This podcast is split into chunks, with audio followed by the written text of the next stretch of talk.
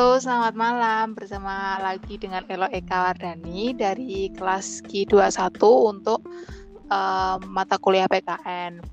Nah, jadi hari ini saya di sini mau bikin podcast dalam rangka untuk menjalankan tugas ujian akhir semester yang berkaitan membahas tentang polemik atau masalah-masalah di Indonesia yang berhubungan dengan topik yang sudah dibicarakan selama satu semester ini. Nah, tapi saya di sini tidak sendirian karena saya di sini uh, mengajak teman saya untuk sharing atau diskusi bareng. Dia adalah Arnica Pinastika. Halo Arnica, selamat malam. Hai, selamat malam.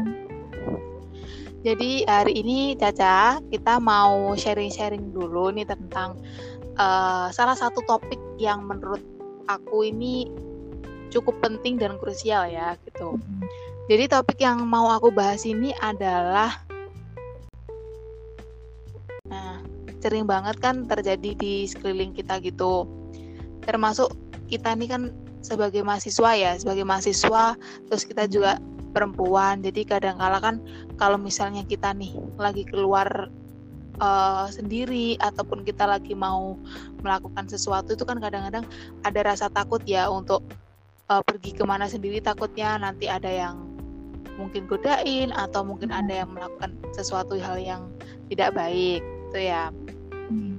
nah uh, di sini aku mau tanya sih lebih tanya ke opininya Caca tuh gimana terkait kasus kekerasan sosial maaf kasus kekerasan seksual yang uh, marak terjadi kenapa kalau misalnya dalam suatu permasalahan kekerasan seksual itu biasanya yang disalahkan itu malah lebih ke korbannya daripada pelakunya. Kalau menurut Caca sendiri sih kenapa kayak gitu?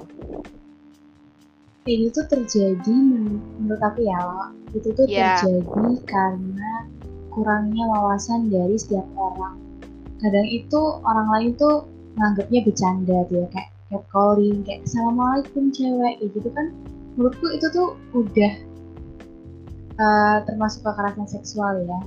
Walaupun ya, enggak ya, walaupun enggak se apa ya krusial apa pemerkosaan dan lain sebagainya tapi itu udah termasuk kekerasan. Dan orang-orang itu kurang menghargai orang lain. Mungkin mereka tuh nganggapnya bercandaan tapi kan kita sebagai cewek tuh merasa kayak apa sih kok diginiin ya kita? Padahal kita itu udah jaga sikap udah juga penampilan juga tapi kan tetap aja ada orang yang um, bedain kita atau mm. melakukan suatu hal yang gak baik walaupun mm. kita udah berhijab tertutup dari atas sampai bawah tetap aja kan bisa jadi uh, korban pemerkosaan atau korban kekerasan seksual yang lain Oke, terima kasih. Nah, aku setuju sih sama pendapat Caca bahwa kayak kadang itu orang menganggap bahwa kayak yang dicontohkan oleh Caca misalnya kayak assalamualaikum cewek. Itu tuh bentuk adalah suatu hal yang bercandaan atau hal yang sebenarnya hmm. lumrah. Kalau misalnya kita sebagai perempuan digodain kayak gitu ada marah dan lain sebagainya mungkin orang anggap kayak oh baper nih orang baper gitu. Hmm. padahal sebenarnya itu memang bisa tergolong sebagai uh, pelecehan seksual dalam bentuk perkataan ya dan verbal gitu. Hmm Nah, kan uh, tapi gini ya, Cak, kita kan tahu sendiri ya kalau pelecehan seksual itu sebenarnya atau kekerasan seksual itu bisa terjadi di mana saja. Nggak terkecuali di lingkungan kampus. Kayak kita sering tahu kan uh, kisahnya itu sekitar tahun 2019 uh, eh, yang mahasiswa salah satu apa universitas ternama di Indonesia itu sempat mengalami kasus pelecehan seksual ketika dia melaksanakan kuliah kerja nyata dan itu dilakukan oleh rekannya sendiri. Nah, kan itu sudah membuktikan bahwa oh ternyata lingkungan yang bisa dikatakan sebenarnya waktu KKN dari universitas ternama itu kan yeah. juga adalah lingkungan pendidikan ya, lingkungan yang yeah. seharusnya pendukung kita untuk melakukan hal-hal yang positif. Tapi kok malah terjadi sesuatu seperti itu.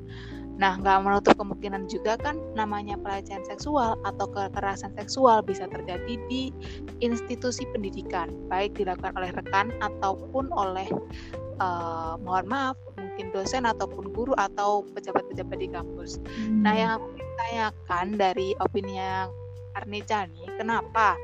Menurut Caca tuh kenapa sih kok bisa ya uh, pelecehan seksual itu atau kekerasan seksual bisa terjadi di lingkungan kampus yang kita notabene itu tahu bahwa lingkungan kampus itu adalah lingkungan pendidikan di mana orang-orang di situ tuh orang-orang yang terdidik gitu. Menurut Caca kenapa sih sampai bisa terjadi kasus seperti itu? Menurut aku tuh um, lingkungan pendidikan yang dikira bagus, universitas ternama kayak gitu tuh belum tentu atau belum jaminan gitu. Orang-orangnya tuh juga bisa mikir secara jelas secara apa ya secara bagus gitu maksudnya pikirannya tuh nggak murni positif doang karena hmm. sekarang tuh kan banyak orang pinter tapi attitude-nya tuh nol ya yeah. ya terus kayak kemarin yang apa siswa S2 di Landing itu kan dia juga pinter banget tapi dia juga melakukan pelecehan seksual jadi apa ya menurut aku tuh belum tentu juga kalau orangnya pinter secara akademik dia juga menyesuaikan attitude yang baik. Uh, itu tetap tergantung kepada lingkungan di mana dia bersosialisasi setiap harinya. Kayak teman-temannya dia, keluarganya dia, dan pengetahuan dia terhadap pelecehan seksual tersebut. Oh. Biasanya sih orang-orang itu kayak dari broken home atau dia tuh pergaulannya tuh sembarangan dan masih banyak gitu sih. Berarti ya menurut Caca ini kalau bisa disimpulkan kalau ternyata uh, walaupun kita itu ada di lingkungan yang istilahnya seperti lingkungan yang baik dan berpendidikan seperti tadi mm-hmm. nggak mm -hmm. bisa menjadi apa ya istilahnya nggak bisa menjadi suatu uh, kepercayaan sepenuhnya kalau ternyata orang yang ada di situ selalu baik itu tetap tergantung kepada pribadinya masing-masing juga kan ya. Iya. Yeah. Uh, Oke. Okay. Nah, uh, kalau pandangan Caca nih, hmm. uh, menurut Caca sebenarnya dengan maraknya kasus pelecehan seksual yang terjadi gitu, kira-kira peran pemerintah untuk menanggulangi kasus kekerasan seksual yang terjadi itu udah berwujud nyata atau belum? Kalau menurut opini kamu? Kalau menurut aku kurang sih tetap hmm. ada wujudnya tapi masih kurang kayak um, untuk UU-nya aku sih nggak tahu sih kalau tentang hukum maksudnya aku juga belum mempelajarinya lebih lanjut ya karena matkulku juga belum sampai sedikit itu jadi uh, mungkin kalau dari hukum sisi hukum udah ada apa ya kayak um, hukumannya buat pelaku kekerasan atau pelaku pelecehan hmm. tapi kita kan nggak harus nunggu kesalahan diperbuat baru dapat hukuman dong kita kan hmm. lebih baik presentif ya untuk yeah. sosialisasi tentang pelecehan seksual ini tuh pemerintah belum mengadakan um, apa ya belum mengadakan atau belum menyebarluaskan ke masyarakat. Jadi dianggap pelecehan, seksual atau pendidikan tentang pelecehan seksual itu masih dianggap tabu gitu loh oleh pemerintah oleh masyarakat setempat. Jadi kita tuh sebagai mahasiswa juga kalau misalnya mau mengadakan sosialisasi tentang pelecehan seksual harus mm-hmm. hati-hati juga karena orang-orang tuh mikirnya aduh kok kayak gini sih? Itu kan tabu mbak. Itu kan macam-macam deh pokoknya uh, apa ya pemikiran orang lain itu tuh pikirannya kita tuh mau menyebarkan sesuatu yang tabu padahal ini penting banget soalnya kan banyak anak remaja juga yang MBA maksudnya ada hamil di luar nikah. Oke. Okay. Jadi ya. menurutku pemerintah masih belum atau masih kurang gitu. Oh oke okay. jadi memang ya kita tahu sih memang ada undang-undang yang mengatur untuk uh, perlindungan kepada perempuan dan anak. Ada juga lembaga yang menaungi tentang perlindungan dan anak. Misalnya kayak tapi ternyata uh, peran pemerintah pun juga ternyata dengan adanya lembaga itu masih dirasa kurang ya karena walaupun sudah ada undang-undang, walaupun ada lembaga yang menaungi, tapi ternyata masih sering terjadi juga kan ya. Kayak kasus yang Caca pernah tahu nggak tuh uh, ada anak yang dia itu kan mohon maaf dia diperkosa oleh anggota keluarganya. Salah satu pamannya kemudian dia direhabilitasi di lembaga pemberdayaan perempuan dan anak. Tapi ternyata ada uh, pejabat bukan pejabat sih ya pegawai di situ yang ternyata juga malah melakukan tindakan pelecehan seksual kepada anak tersebut.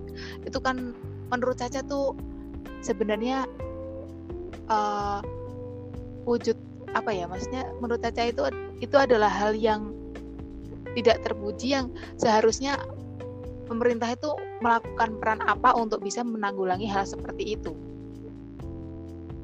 Kalau menurut aku sih itu kan uh, dia, dia punya jabatan ya mm-hmm. yang melakukan. Ya harusnya mm-hmm. kan kita sebagai orang kita tuh per, sebagai wanita apalagi ya kan kita punya hak untuk dilindungi jadi sebaiknya pemerintah itu memberikan dukungan yang sepantasnya kepada pelaku.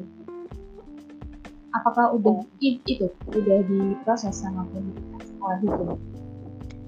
Kalau untuk diprosesnya sih sudah gitu. Cuma kan itu sebenarnya kalau kasarannya itu menunjukkan bahwa peran pemerintah itu masih sangat kurang gitu. Iya, Concernnya itu masih sangat kurang karena ternyata orang yang dipercaya lembaga dari lembaga pemerintahan yang menaungi tentang um, atau memberikan perlindungan meng, ke, kepada perempuan dan anak ternyata masih melakukan hal yang seperti ya, itu harusnya mereka yang jadi hmm, harusnya mereka menjadi pelindung malah jadi pelaku ya. nah itu kan menunjukkan bahwa sebenarnya sistem hukum atau perundang-undangan di Indonesia mengenai kekerasan seksual itu kan masih lemah ya, ya nah jadi terus oh Caca tahu nggak sih ada undang-undang uh, bukan undang-undang ini masih rancangan RUU PKS atau rancangan undang-undang penghapusan kekerasan seksual. Caca tahu nggak tentang RUU tersebut? Tahu tahu tahu. Nah itu kan sekarang sampai sekarang masih jadi polemik ya kenapa ya itu belum disahkan padahal kondisinya kekerasan seksual di Indonesia itu ternyata menurut survei malah semakin meningkat gitu. Nah, menurut Caca penting nggak sih RUU PKS ini untuk segera disahkan? Menurutku enggak, karena aku tipe orang eh, ini sebagai pihak yang mendukung tetap adanya undang-undang buat pelecehan seksual. Jadi orang sekarang nih ya ada undang-undang pelecehan seksual aja masih banyak kasus yang terjadi apalagi nggak ada gitu pasti hmm. tambah banyak karena orang-orang mikirnya ya nggak ada hukuman ya kenapa harus takut ya hmm. ya berarti untuk un, uh, eh, RUU PKS ini sebenarnya sangat penting ya sangat penting apalagi Dan, kita sebagai wanita Mm-mm, itu adalah bentuk perlindungan untuk kita sebagai perempuan agar lebih bisa merasa aman gitu. Mm-hmm. Nah, uh, yang aku mau tanya nih, kalau misalnya gitu, ada kan kita di Indonesia ini kan undang-undang mohon maaf ya tentang aborsi itu kan masih apa? Bukan masih, tapi dia itu tidak di, disahkan ya. Itu adalah tindakan ilegal gitu. Nah, menurut yang aku ingin tanya nih dari segi uh, atau sudut pandang dari Caca, kalau misal ada perempuan yang menjadi korban pemerkosaan, terus kemudian perempuan itu hamil, nah, apakah pemerintah perlu melegalkan uh, undang-undang mengenai tindakan aborsi untuk perempuan yang hamil karena pemerkosaan. Karena kan hamil karena pemerkosaan itu kan bukan karena keinginan dia itu karena insiden itu karena sesuatu yang tidak diinginkan. Sementara hukum sekarang yang berlaku di Indonesia ini kan tidak melegalkan yang namanya aborsi. Nah menurut Caca kalau misalnya pemerintah uh, mencanangkan hal seperti itu menurut Caca itu benar atau enggak dari sudut pandang Caca itu yang kemarin jadi um, perbincangan lumayan hangat ya di ya, itu. Hmm. Kak, kita tuh masih bingung juga karena um, aborsi ini kan menurut agama juga nggak boleh ya. mm-hmm. tapi di sisi di pihak korban itu kayak itu bukan suatu hal yang diinginkan mm-hmm. tapi aborsi itu merupakan kekerasan juga loh karena kan dia membunuh calon janin ya Iya. Yeah. Menurutku itu termasuk pembunuhan juga. Jadi kalau misalnya disahkan atau dilegalkan aborsi nanti, berarti kita juga sama aja memberikan celah untuk melakukan pembunuhan walau itu masih dibilang kecil ya karena masih belum terjamin gitu. Mm-hmm. Menurutku uh, kalau aku sendiri lebih baik diilegalkan aja. Lebih baik diilegalkan. Maksudnya tetap oh. tetap nggak usah ada itu oh, tidak okay. diilegalkan sama pemerintah. Mm-hmm. Karena kan takutnya itu tadi itu termasuk pembunuhan gitu. Ya walaupun nah. diinginkan tapi tetap aja siapa tahu berkah. Oh ya, oke okay. itu ya pandangan dari Caca terima kasih. Nah tapi kalau misalnya nih, kalau seandainya si ibu dari bayi hasil udah janin hasil pemerkosaan ini tuh tidak berkenan untuk membesarkan anaknya itu menurut Caca langkah apa yang harusnya dilakukan pemerintah gitu? Dilakukan oleh isi ibu juga yang juga nanti pemerintah sebagai istilahnya pelayan masyarakat ya pemberi pemberi penyedia jasa pelayanan masyarakat seperti itu apa yang harus dilakukan gitu. Karena kan kalau misalnya menurut saya tadi undang-undang aborsi itu tidak boleh disahkan. Aku setuju sih untuk undang-undang aborsi sebenarnya tidak boleh disahkan. Cuma kalau melihat kasus seperti ini juga kasihan dari ibunya juga sisi ibunya juga. Karena ini kan uh, janin yang tidak diharapkan ya karena kasus pelecehan seksual tadi. Nah, uh, kalau menurut saya langkah apa yang seharusnya diambil oleh ibu ini atau dan yang apa difasilitasi oleh pemerintah supaya janin ini tidak ter tidak dibuang atau tidak dibunuh melalui aborsi gitu. Hmm. Apa ada punya pemikiran yang bisa memberikan uh, mungkin solusi seperti itu ada atau enggak? Okay menurut aku nih ya, pemerintah tuh mengadakan kerjasama sama uh, rumah sakit rumah sakit yang um, mendata ibu-ibu atau pasangan suami istri yang kesusahan buat hamil atau punya anak. Mungkin kesusahan gitu ya. Jadi nanti bisa juga si ibu ini nanti kalau udah lahir anaknya didata oleh pemerintah terus bisa disalurkan melalui rumah sakit tersebut. Jadi oh ini mungkin ada pasangan suami istri yang butuh buat mengadopsi anak dan bisa mengadopsi si anak ibu tadi atau um, bisa juga melalui panti asuhan tapi kalau panti asuhan ini kan um, ini ya takutnya panti asuhannya juga bingung karena dana panti asuhan yang mungkin kurang. Nah ini peran pemerintah harusnya ada dana yang di um, sisihkan sih. Mungkin 50-50 sama panti. Tapi ya itu agak susah. Kalau menurut aku um, opini aku tuh yang saran pertama tadi jadi bekerja sama dengan rumah sakit untuk mendata pasangan suami istri yang susah punya anak oh oke. Okay. terima kasih untuk solusinya ya. Hmm. jadi uh, istilahnya supaya anak itu tidak anak tersebut itu tidak dibuang sia-sia ya kasar aja iya tidak ditelantarkan gitu.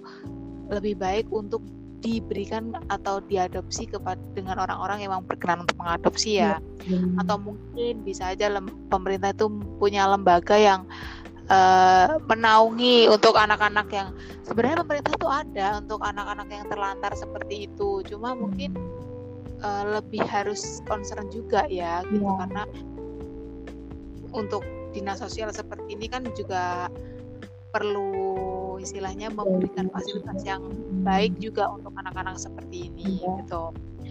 Nah, uh, ini pertanyaan terakhir, menurut Caca, kira-kira langkah apa yang harus kita lakukan nih sebagai seorang perempuan juga untuk bisa apa ya terhindar dari terhindar dari namanya kekerasan seksual atau namanya pelecehan seksual itu apa yang harus kita lakukan gitu supaya kita bisa ya setidaknya langkah preventif lah gitu. Oke. Okay.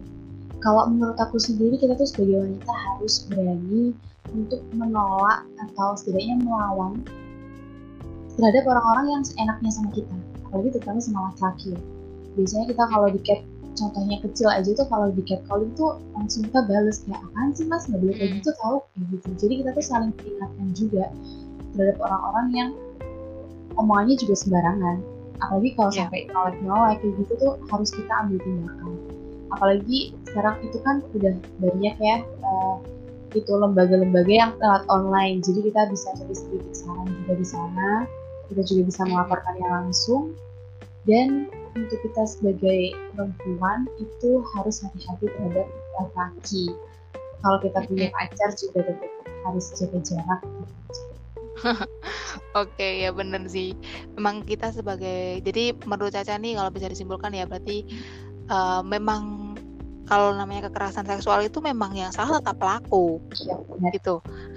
Tapi kita sebagai perempuan nih harus juga bisa mawas diri, harus bisa lebih um, apa namanya menjaga diri sendiri ya untuk bisa terhindar dari hal-hal semacam itu dengan kita misalnya mungkin uh, karena gini kadang kala tuh kan yang dipermasalahkan itu adalah pakaian terbuka itu tidak menjadi alasan kenapa terjadi kekerasan seksual. Yang salah itu adalah otak dari pelakunya gitu.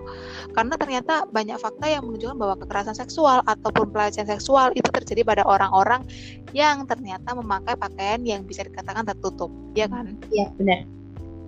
Banyak nah, banget. uh, iya kan kayak gitu. Nah terus uh, kayak kalau seperti itu kan ya kita sendiri juga nggak bisa nggak bisa mengontrol pemikiran orang lain tapi setidaknya kita bisa menjaga diri kita sendiri kan gitu. Dan tentunya uh, sebagai dan tentunya pemerintah tentu ini juga nggak lepas dari peran serta dari pemerintah kan ya, ya dan masyarakat bahwa, ya. Iya uh, bahwa uh, undang-undang yang ada itu harus dipertegas gitu ya kan? Ya. harus ada sanksi gitu yang bisa membuat pelaku ini jerah benar banget karena kalau hanya ada undang-undang tapi terhadap pelaksanaannya itu ternyata sanksinya itu juga tipis sanksinya ternyata juga nggak membuat pelaku itu jerah hmm. akhirnya kan ya tetap terulang terus namanya pelecehan seksual dan kekerasan seksual ya, benar. oke jadi ya uh, itu yang kira-kira bisa kita simpulkan dari obrolan kita hari ini ya, ya. kali ini gitu Oke, Caca, terima kasih karena sudah mau berbagi dan sharing-sharing di podcast aku hari ini untuk uh, pengumpulan tugas UAS. Terima kasih sudah membantu dan mohon maaf kalau misalnya ada salah dan kurangnya. Maaf juga karena sudah mengganggu waktunya ya. Terima kasih juga Ella udah diajakin bikin podcast. Oke, terima kasih yeah. karena sudah membantu. Dan mm, ya, uh, untuk itu karena kita sudah sharing-sharing bersama dengan Arnica, saya rasa cukup sampai sekian untuk sesi podcast kali ini. Semoga apa yang jadi obrolan hari ini, materi hari ini bisa menjadi pembelajaran untuk kita semua yang uh, mendengarkan podcast podcast ini. Terima kasih. Sama.